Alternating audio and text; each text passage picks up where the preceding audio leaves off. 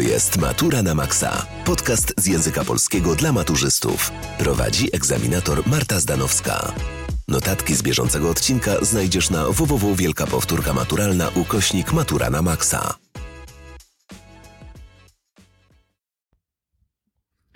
Witam Was, kochani, w kolejnej odsłonie podcastu. Dziś przykład wykorzystania kontekstu biograficznego w odniesieniu do twórczości Adama Mickiewicza. Tworząc poszczególne dzieła, pisarze nie potrafią całkowicie zdystansować się do własnych przekonań, doświadczeń i przeżyć, bo to one kreują ich osobowość, również tę artystyczną. Prześledźmy więc biografię Adama Mickiewicza według okresów jego życia, zwracając uwagę, w jaki sposób odbija się ona w jego twórczości. Dzieciństwo. Adam Mickiewicz urodził się 24 grudnia 1798 roku w Zaosiu koło Nowogródka. Rodzicami poety byli Mikołaj Mickiewicz, komornik i adwokat, oraz Barbara z domu Majewska – to właśnie ukochana matka ofiarowała synka pod opiekę Matki Boskiej Ostrobramskiej, gdy jako maleńki chłopczyk wypadł z okna. Dzieciństwo poeta miał beztroskie. Przerwała je śmierć ojca w 1812 roku. Jak i w których utworach to widzimy? Utworem, w którym doszukać się można wątków sięgających do najmłodszych lat poety i kraju lat dziecinnych, jest Pan Tadeusz, Znalazł się tam opis wypadku z wczesnego dzieciństwa. Czytamy w inwokacji: Gdy od płaczącej matki pod Twoją opiekę ofiarowany, martwą podniosłem powiekę. Mickiewicz przywołuje obriguje obrazy ze swojego dzieciństwa, co stanowi dowód na jego tęsknotę za ojczyzną. Poemat ukazuje typowy obraz środowiska średnio zamożnej szlachty, jej życia, obyczajów, właśnie taki, w jakim urodził się i wychował Mickiewicz. Zgodność faktów przytoczonych w utworze z rzeczywistością jest tak daleko posunięta, że nawet jeden z głównych bohaterów epopei, Soplica, nosi nazwisko autentycznego szlachcica. Zabójcą jednego z dziadków poety był niejaki Jan Soplica, zawadiaka z wioski zwanej Saplica. Zanim przejdziemy dalej, zapisz się na wielką powtórkę maturalną. W 4 godziny omawiamy cały materiał wymagany na maturze. Do wyboru aż 10 przedmiotów maturalnych. Pamiętaj, że otrzymujesz gwarancję z danej matury. Z kodem Matura na Maxa zgarniesz minus 10% na wszystkie powtórki. Dołącz już teraz na www.wielkapowtórkamaturalna.pl Z czasów dziecinnych pochodzi także umieszczony w utworze opis przemarszu wojsk napoleońskich przez ziemie polskie – Mickiewicz świetnie oddał atmosferę tamtych dni euforii całego społeczeństwa, którą odczuwał jako chłopiec. W liście do Joachima Lelewela napisał: A tam, gdzie się obrócisz, z każdej widać strony, żeś z Nadniemna, żeś Polak, mieszkaniec Europy. Mickiewicz określił w ten sposób swoją przynależność do trzech zbiorowości: ojczyzny domowej, ojczyzny politycznej i kręgu kultury zachodnioeuropejskiej. Ta ojczyzna domowa to właśnie świat żywcem przeniesiony do pana Tadeusza. Historia szlachecka to jednak nie tylko obrazy zapamiętane z dzieciństwa. Można się w niej doszukać również pewnych podobieństw do dworków wielkopolskich, w których przebywał Mickiewicz w czasie powstania listopadowego.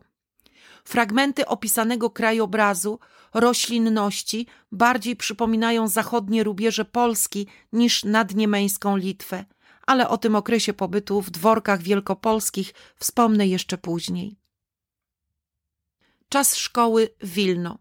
Kolejny etap życia Mickiewicza, młodość, czasy studenckie, przynosi poecie wiele nowych doświadczeń, które stają się inspiracją do powstania utworów literackich. Po ukończeniu szkoły w Nowogródku Mickiewicz rozpoczął studia na Uniwersytecie Wileńskim. Wybrał Wydział Filologiczno-Historyczny, bo tam otrzymał stypendium. W czasie studiów w roku 1817 założył z przyjaciółmi tajne stowarzyszenia Towarzystwo Filomatów i Zgromadzenie Filaretów. Choć początkowo jego założeniem była przede wszystkim edukacja literacka, to z czasem przekształciło się ono w polską organizację patriotyczną. Może króciutko przypomnę, czym były związki filomatów i filaretów. Działalność w obu związkach jest charakterystycznym rysem studenckich czasów Adama Mickiewicza. Związek filomatów był związkiem tajnym. Filomaci krzewili tradycję jeszcze oświeceniową. Pierwsze pisane przez nich utwory były utrzymane w konwencji klasycznej. Inaczej rzecz się miała z filaretami. Najpierw w 1820 roku Tomasz Zan założył oficjalnie legalne koło promienistych. Ponieważ wysuwali oni hasła wyzwoleńcze, koło rozwiązano. W to miejsce Zan powołał natychmiast nowy, tajny już związek filaretów. Filareta znaczy miłośnik cnoty. Filareci byli bardziej niż filomaci radykalni. Odrzucili też reguły klasyczne, zwracając się ku świeżemu duchowi romantyzmu. Część filomatów, w tym Mickiewicz, przeszło do grupy filaretów. Jak i w których utworach to widzimy? Okres ten miał silny wpływ na twórczość Mickiewicza. Cele towarzystw oraz nastroje radości ze wspólnego działania znajdziemy w pieśni filaretów i w Odzie do młodości, obydwa utwory z roku 1820. W pieśni filaretów pojawia się apel o wzniecenie śpiewu narodowego, zwrócenie uwagi na jedność ojczyzny oraz podkreślenie przywiązania do polskiego języka. Patriotyczna wymowa utworu podobnie jak działalność filomatów i filaretów, nie mogła pozostać bez odzewu ze strony carskich władz, dlatego senator Nowosilcow wykorzystał ją w procesie przeciwko młodym studentom. Miała ona stanowić dowód na ich rewolucyjną działalność, w związku z czym Mickiewicza i jego kompanów najpierw uwięziono w wileńskim klasztorze bazylianów, a następnie zesłano w głąb Rosji. Z kolei Oda do młodości – to najbardziej znany utwór Mickiewicza z czasów działalności filomatów i filaretów. Utwór jest pochwałą młodości i jednocześnie nawoływaniem do zmiany pokoleniowej.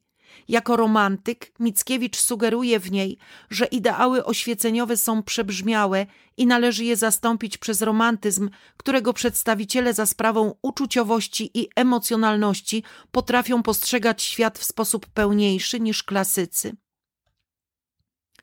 Los nauczycielski Kowno. Oprócz działalności i uczuć patriotycznych, na twórczość Mickiewicza ogromny wpływ miała miłość, szczególnie ta nieszczęśliwa. Po ukończonych w 1819 roku studiach Mickiewicz pracował jako nauczyciel w Kownie. W tym właśnie czasie zakochał się w Maryli Wereszczakównie, a także lepiej poznał litewski folklor. Jak i w których utworach to widzimy – Fascynacja ludowością zaowocowała debiutanckim tomem Ballady i romanse z 1822 roku, a także drugą częścią Dziadów.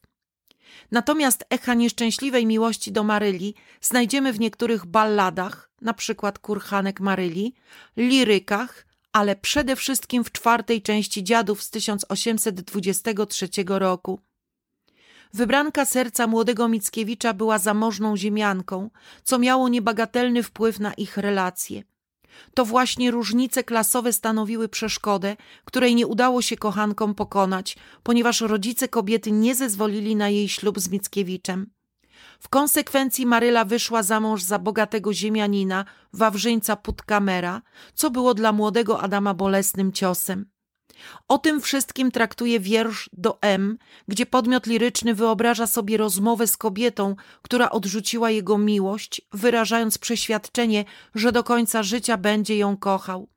Nie może o niej zapomnieć, ciągle o niej myśli, dlatego staje się ona dla niego udręką. W parze z nieodwzajemnionym uczuciem idzie także poczucie samotności, które bardzo doskwiera podmiotowi lirycznemu.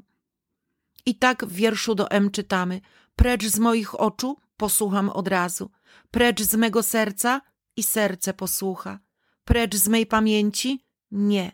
Tego rozkazu moja i twoja pamięć nie posłucha.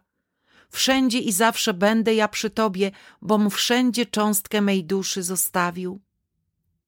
Wiersz ten jest jednym z najbardziej oczywistych dowodów na bardzo silny związek twórczości Mickiewicza z jego życiem. Uczucie, jakie Mickiewicz żywił do Maryli, staje się jednym z bodźców do powstania dziadów czwartej części. Ich bohater, Gustaw Upiór, posiada wiele cech wspólnych z Mickiewiczem. W czwartej części dziadów Postaci Gustawa i Maryli przedstawiają alter ego Mickiewicza i Wereszczakówny. Ich losy są łudząco podobne do historii uczucia Adama i prawdziwej Maryli. Zrozpaczonego Gustawa opuściła ukochana, Maryla jest tutaj nieprzypadkową zbieżnością imienia, by poślubić bogatszego mężczyznę, z czym bohater nie może się pogodzić. Na podstawie wiersza do M i czwartej części dziadów można więc wyobrazić sobie, w jak złym stanie psychicznym znajdował się młody Mickiewicz, kiedy pojął, że jego uczucie nie ma szans na spełnienie. Druga tematycznie grupa utworów pochodzących z tego okresu związana jest z działalnością Mickiewicza w nielegalnych organizacjach na Uniwersytecie Wileńskim. Jak wspominałam, rok 1823 przyniósł falę aresztowań, proces zesłania członków obu związków, a tym samym kres ich istnienia. Tym bardziej był to ważny okres w życiu Mickiewicza. Odnajdujemy go w wielu wątkach twórczości, między innymi w Dziadach części trzeciej. Proces Wilno, wyjazd do Rosji. Gdy w 1823 roku władze rozpoczęły aresztowania filomatów i filaretów, Mickiewicz również trafił na kilka miesięcy do wileńskiego klasztoru bazylianów, zamienionego na więzienie. W 1824 roku zapadł wyrok, nakaz opuszczenia Litwy i osiedlenia się w głębi Rosji. Mickiewicz wyjeżdża do Petersburga, potem do Odessy, Latem 1825 roku odbywa wycieczkę na Krym, następnie do Moskwy. Tu poznaje Puszkina, a także poetów dekabrystów i wraca do Petersburga, gdzie w 1828 roku zostaje wydany Konrad Wallenrod. Jak i w których utworach to widzimy? Po wykryciu związku Mickiewicza i osadzeniu go w areszcie, Gustaw z czwartej części dziadów przemienia się w Konrada, który również jest literackim sobowtórem poety. Swoje więzienne doświadczenia wpisuje Mickiewicz w biografię Konrada. Odnosi się do tego etapu swojego życia właśnie w trzeciej części dziadów. Sam początek tej części dziadów, która rozpoczyna się w celi więziennej w klasztorze bazylianów, jest obrazem z życia Mickiewicza, gdyż dokładnie w tym miejscu był on więziony. Pokazuje tam poeta swoich przyjaciół z towarzystw filomatów i filaretów, podejmuje wątek aresztowania, procesu, męczeństwa patriotów. Dramat opisuje wielkie wyzwanie dla młodych, jakim jest walka o wolność w dobie zaborów. Zaangażowanie w ten proces wymaga największego poświęcenia i ofiarności, o czym świadczy fakt, że Mickiewicz opisuje Polaków jako męczenników. Widać to innymi w przedmowie, w której mówi się o prześladowaniach młodych Polaków ze strony cara. Widzimy w niej, że zamykane są szkoły, a litewskie dzieci i młodzież wysyłane są na Syberię, aby tam żyły w więzieniach. Dowodem na to, że w dziadach części trzeciej młodzi Polacy stają z podniesionym czołem naprzeciw dziejowego wyzwania walki o ojczyznę, jest dedykacja dla wywiezionych do Moskwy przyjaciół, czyli Cypriana Daszkiewicza, Jana Sobolewskiego i Feliksa Kołakowskiego, którzy razem z Mickiewiczem działali w towarzystwie filomatów i filaretów.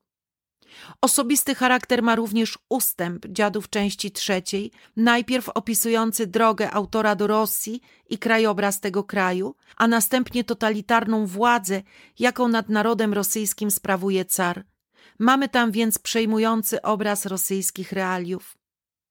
Czas pobytu Mickiewicza w Rosji zbiega się z powstaniem dekabrystów – Właśnie na końcu ustępu dziadów części trzeciej mamy fragment bezpośrednio poświęcony dekabrystom, wiersz do przyjaciół Moskali, w którym Mickiewicz zwraca się do swoich rosyjskich przyjaciół i ubolewa nad ich trudnym losem.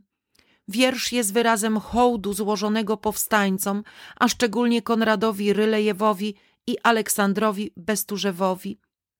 Poecie bliski był każdy zryw mający na celu obalenie caratu, gdyż mogło to przybliżyć upragnioną chwilę oswobodzenia ojczyzny. Po powstaniu Mickiewicz przebywa w Petersburgu, gdzie pracuje nad Konradem Wallenrodem. Stara się w nim przedstawić swoje nowe spojrzenie na sposób walki z tyranem. Po klęsce rosyjskiego powstania jedyną metodę walki z caratem widzi w podstępie, w walce skrytobójczej, gdyż otwarte starcie przy tak nierównych siłach może przynieść porażkę. W Konradzie Wallenrodzie tworzy teorię spisku i zdrady. Z wileńskiego więzienia w 1824 roku za karę zesłano go w głąb Rosji.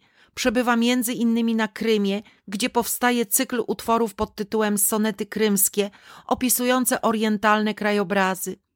Mickiewicz jest zafascynowany pięknem i malowniczością tego zakątka, urzeczony górami i morzem. Nie opuszcza go jednak uczucie osamotnienia i opuszczenia przez ludzi i przez Boga. Szczęśliwy, kto modlić się umie, czytamy w sonecie Burza.